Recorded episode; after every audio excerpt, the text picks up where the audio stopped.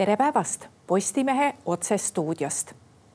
kui koalitsioonikõnelused õnnestuvad ja võimuliitu pääseb kolm erakonda, siis on üsna selge, et ka opositsiooni jääb kolm erakonda.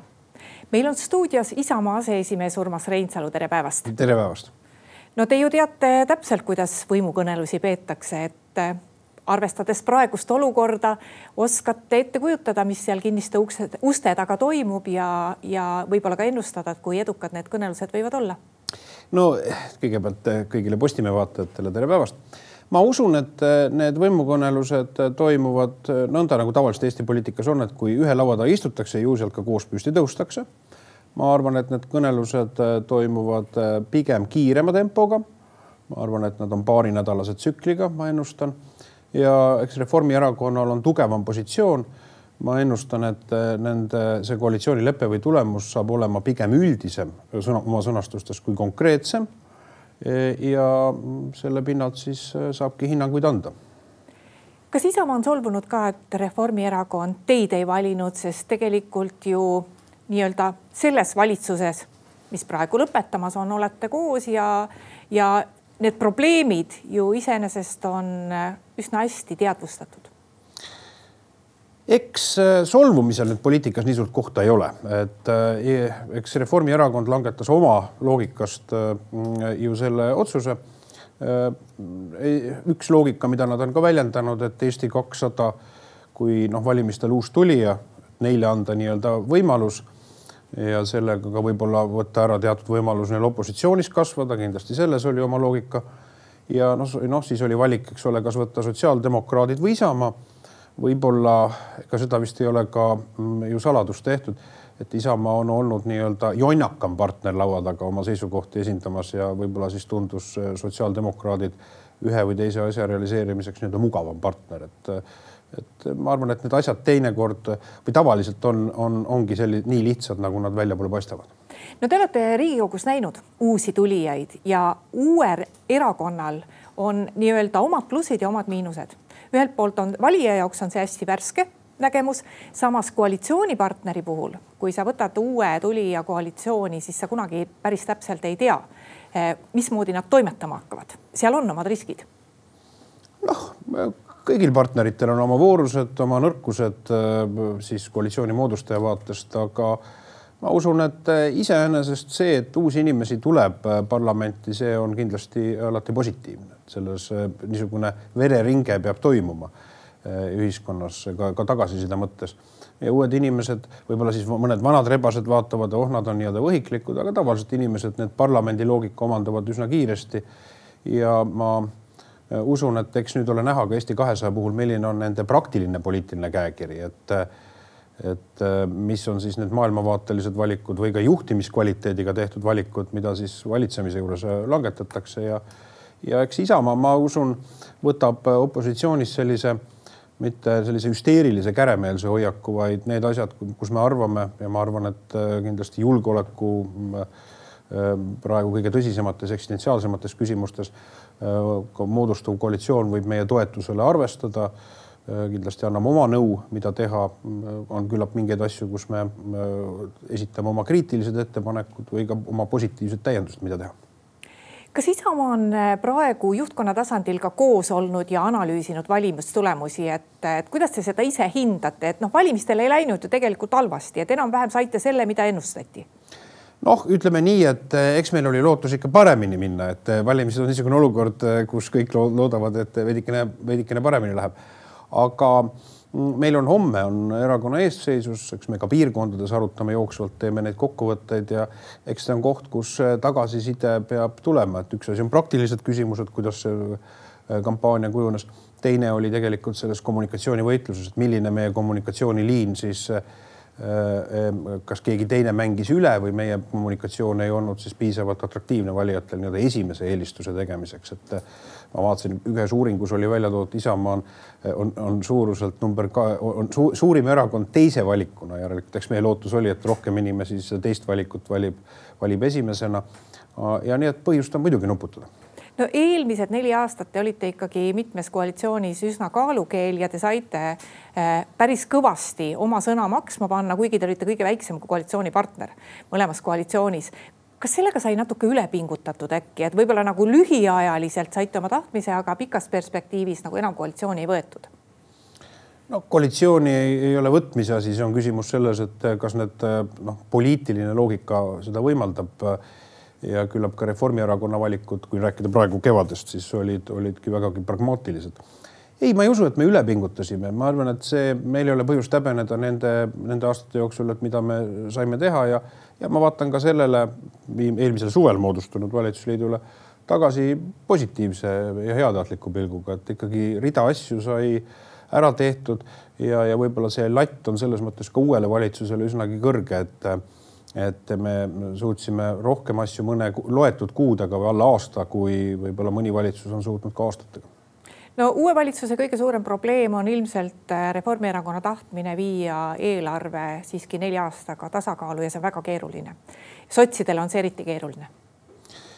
noh, vaatame, kuidas see pihta hakkab, et äh, ma arvan, et eks see retoorika, mis on eelmisel nädalal ka esile kerkinud, lisaks sellisele üldisele riigi rahanduspoliitilisele positsioonile, on, on kindlasti suunatud ka võib-olla ennekõike ka sotsiaaldemokraatide nii-öelda taltsutamiseks, et et tavapäraselt nii palju, kui mina olen istunud maas Reformierakonnaga nendel koalitsioon, erinevate koalitsioonide läbirääkimistel, see on üsna üldine algusfaas, et meil tegelikult nagu midagi ei ole ja tundub, et nagu midagi tegema ei peaks. Aga tegelikkuses äh, muidugi on olulisi asju, mida tuleb teha ja erakonnad on valijatele lubanud ja, ja võib-olla tõepoolest veidikene mm, üllatuslik moment oli valijatele, kui, kui need uudised või mis siis põhiküsimused tundub olevat koalitsiooniläbirääkimistel esimesel algasid peale hoopis nii-öelda miljardilisest kärpest?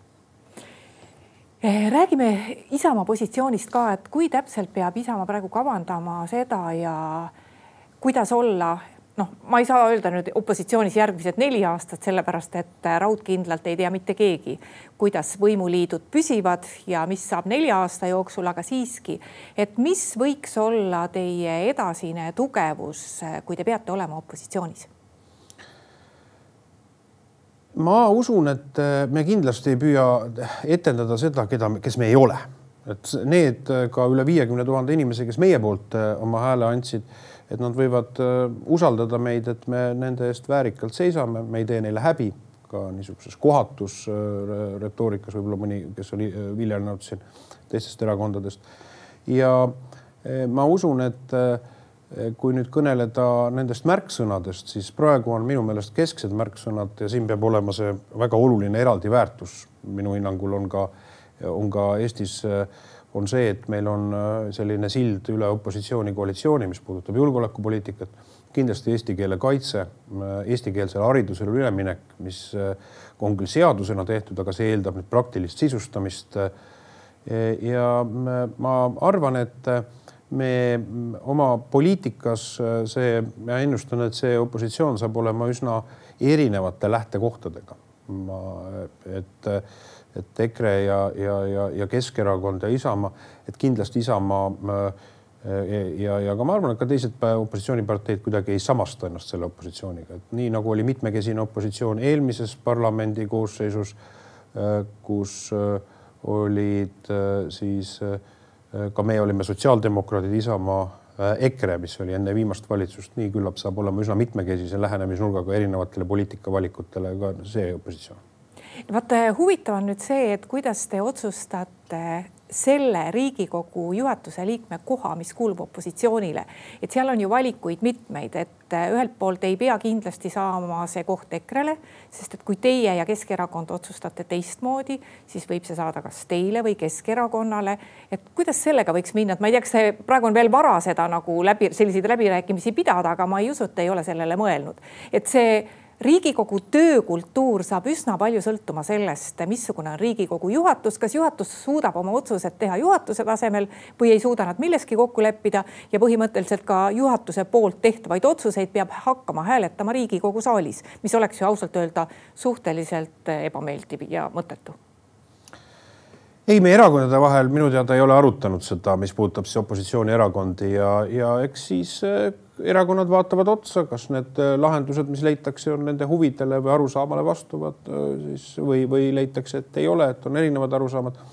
aga eks ta mingites taktikalistes küsimustes opositsioon paratamatult pragmaatiliselt äh, oli ta nii, nagu oli Reformierakond, EKRE koos, noh, noh no, mingisugust ühisosa oli, äh, mis puudutas pragmaatilisi küsimusi opositsiooni nii-öelda jõu äh, tugevdamiseks.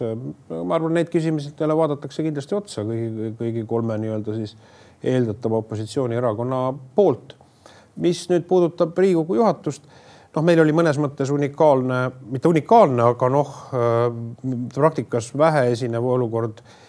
ka veel täna on, aga noh, ütleme siis, kus oli Helir-Valdor Seeder esindas üksi koalitsiooni, aga neid protseduurilisi asju, vist EKRE algatusel ennekõike peotäis saali jõudis, eks neid läbi hääletati. aga ka sellises olukorras oli võimalik seda noh, parlamendi tööd tagada ja üks asi ei olegi mitte noh, juriidiline ülekaal või nõnda, et parlamendis on väga suur osa ka väärtus ka niisugustel ka parlamendi kultuuril. Ja noh, ma loodan, et selles uues parlamendi koosseisus äh, ma ei tee illusioone, aga ma loodan, et see, see kommunikatsioon, mida, mis toimub parlamendi sees, aga toimub ka siis teisisõnu rahvaga, et see saab olema väärikam no kõige hullem äh, parlamendi kultuur on siiski see, kui hakatakse esitama mõttetuid parandusettepanekuid ja selle vastusena siis valitsus seob igasugused asjad usaldushääletusega, see tapab igasuguse eh, demokraatliku diskussiooni parlamendis ja see ei näe üldse hea välja. ja, et see on eh, relv, mis Eesti parlamentaarses kultuuris on, et on kasutatud, aga see on relv, mis võib pöörduda selle liigse kasutaja vastu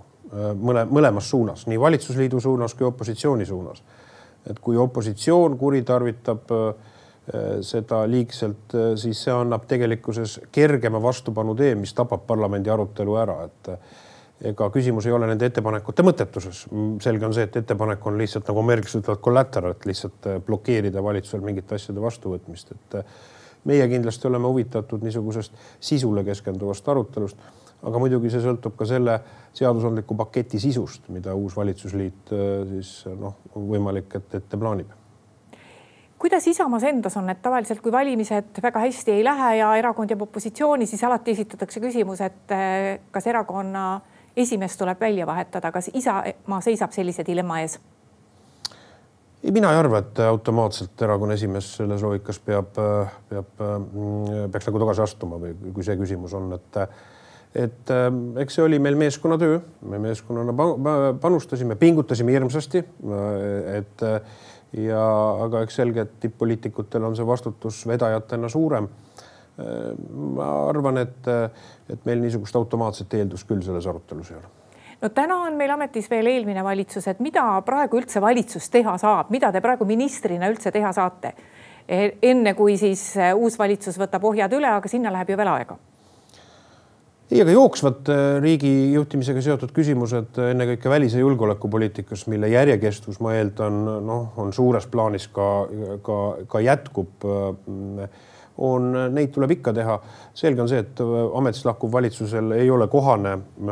võtta vastu mingeid uusi suuri poliitika muudatusi või, või võtta rahalisi kulusid. aga jooksvates küsimustes ma olin nädalavahetusel siin kommunikatsioonis Ameerika saadikuga, Ühendkuningriikide saadikuga jooksvates küsimustes, nii et, et kindlasti Isamaa valitsusdelegatsiooni liikmed, aga ma arvan, noh, kõik valitsuse liikmed, et oma töö teevad ära, mis on vajalik teha, näiteks järgmisel nädalal on ees, kus ma olen koos kaitseminister Hanno Pevkuriga äh, Euroopa Liidu välis- ja kaitseministrite ühine, ühine Brüsselis koosolek ja ja, ja loomulikult ma seal Eesti riigi seisukohti väljendan, see puudutab sama ühishanget, mis on seotud äh, laskemoona äh, saamiseks Ukrainale ja need, need asjad ikka toimuvad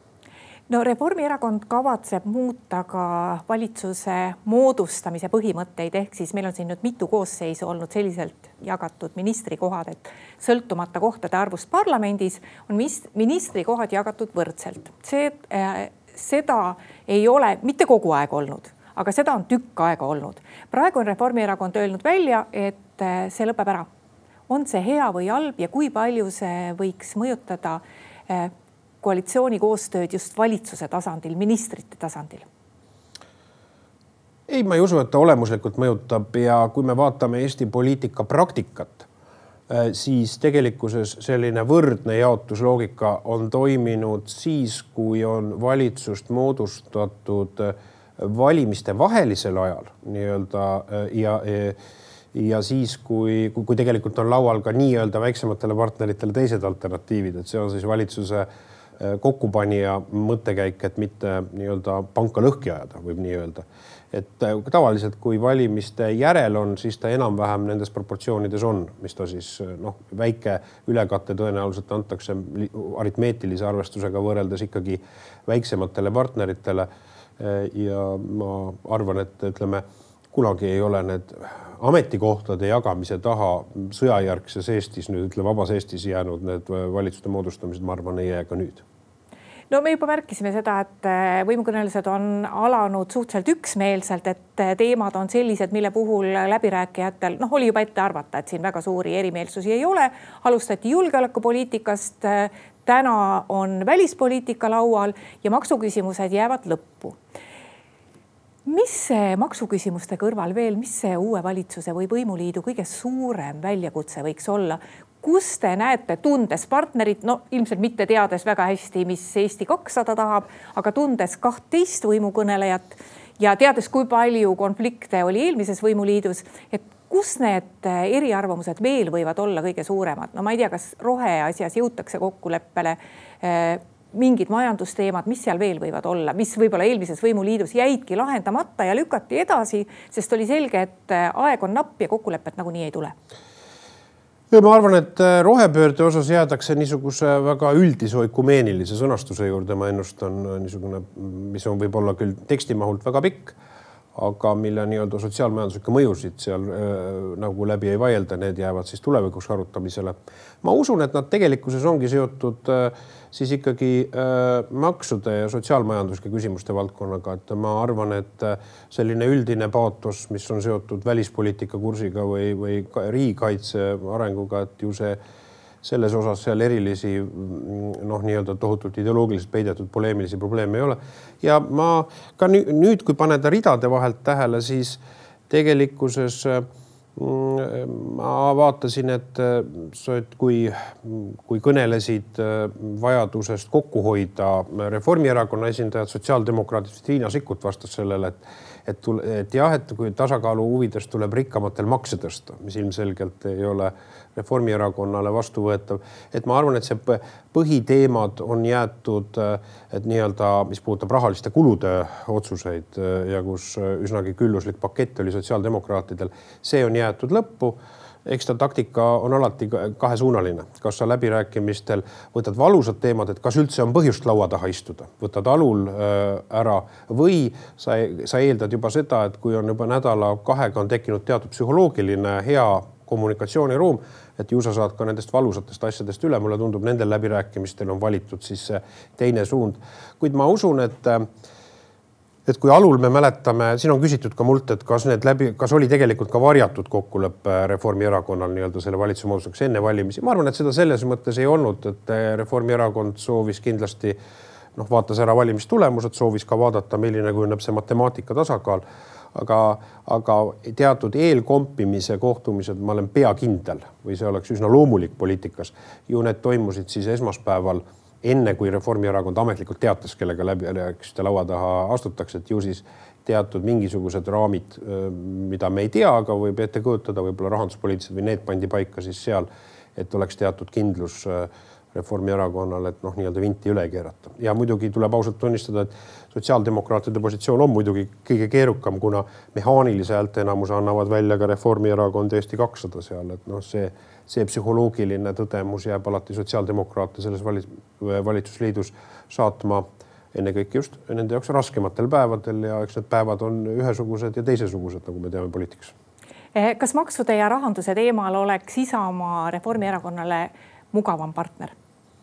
noh, sõna mugavam on vale, aga jah, meie seisukohad üldiselt on võib-olla sarnane loogika meil on, et ja minu meelest ka Reformierakond enne valimisi selgelt välja lubas, et makse ei tõsteta et ja seda, seda mõtet väljendas ka Isamaa no kui tähelepanelikult jääb Isamaa jälgima seda, isegi kui uus võimuliit loodakse, et kuidas neil läheb ja kui suur on teie valmisolek vajadusel asendada kas mõnda partnerit või, või osaleda ja, ja, ja kui palju te seda võimalust siiski näete, et, et see võimu, no tavaliselt võimuliidud ei püsi neli aastat Eestis, et, et enamasti ikkagi vahetatakse partnereid või minnakse täitsa laiali, no ilmselt täitsa laiali minekut ei ole, Reformierakonna positsioon on nii tugev. missugused on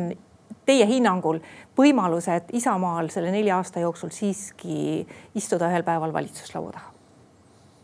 Keerukas hinnata, ütlen ausalt, et äh, see sõltub tegelikkuses ju väga palju ka me Eestist väljapool olevatest äh, noh, dünaamikatest, äh, mis võivad väga erakorralisi sündmusi esile kutsuda. Mm, kui, kui sa oleks minult küsinud, kutsunud välja eelmise aasta juunis, et mis hinnangud Isamaal valitsuses istuda, siis ma oleksin kõnelenud kindlasti korraliste valimiste järgsest olukorrast öelnud, seal on, et sest need sündmused toimusid ju vägagi plahvatuslikult, me mäletame, et need et niisugused kriisid võivadki esile kerkida eh, väga kiiresti, aga üldine valem Eesti poliitikas on, et ega valitsused lagunevad ikka seestpoolt, et, et väljapoolt, kui on olemas alternatiive, siis need võib-olla noh, niisuguse eh, kontsentrilise välise jõuna võivad hoopis seda valitsust aidata ka, aidata ka koos püsida, nii et ma arvan, et ju kõik istuvad laua taha eh, teadmises, et, mm, et ju siis panustatakse neljaks aastaks aga kui sündmustel tundub kellelegi kasulik panustada ka valitsuse muutusele, noh siis ega kogemus on näidanud, et seda ei ole ka peljatud Eesti poliitikas. kas Reformierakond dramatiseerib seda raha küsimust üle? ma arvan, et neil on olukord selline, et eks neil on kõige kallim valimislubadus nendest valimistest ja kui vaadata, vist oli, et äh, parlamendivälised jõud kõrvale jätta, siis Isamaal oli vist kõige odavam valimislubaduste või väiksema kuluga, kui rahandusministeeriumi hinnanguid vaadata. et väga kõvad asjad on kokku lubatud ja ma arvan, et see on praegu süstemaatiline nagu nii-öelda turundustöö, mis tehakse valijatele, et selgitada, et, et suurt osa valimislubadusi eeldatavasti ei õnnestu ellu viia. et ma arvan, et selles mõttes on jah, olukord, olukord, kus tahtlikult teatud kommunikatsioonivoogu lükatakse edasi lükatakse esile praegu selleks, et äh, valijatel äh, mitte küsimus ei ole, et kus jäid lubatud äh, tohutud kulla ja hõbeda laevad, vaid küsimus tekib, et hea, et näed, et pensione ei vähendatud või makse ei tõstetud, et ma arvan, et jah, see on kindlasti tahtlik valitud käik. ja lõpetuseks, Urmas Reinsalu, kes oleks hea järgmine välisminister? Ma usun, et kõigis kolmes erakonnas valitsust moodustavates, et ju ta tegevpoliitik on, ma arvan, et kõrvalt ei võeta. ja kõigis kolmes erakonnas on, ma arvan, tublisid mehi ja naisi, kes selle tööga saavad hakkama ja mina omalt poolt kindlasti, kindlasti ka enne kui ameti üle annan, need, need saladused või tarkused, mis pooleli jäävad praegu, et annan edasi ja tegelikult mul oli samamoodi ka ka kui ma ise ametit võtsin eelmise suvi vastu, siis oli samamoodi väga hea vestlus äh, Eva-Mariaga, nii et küsimus on selles, et, et välispoliitika on see üks valdkond, kus ma usun, et äh, ei ole keskne niisugune sisepoliitiline kirg praegustel aegadel eriti. aitäh tulemast Postimehe saatesse ja aitäh ka kõigile neile, kes meid vaatasid. meie järgmine otsesaade on eetris juba homme. seniks lugege uudiseid postimees.ee Música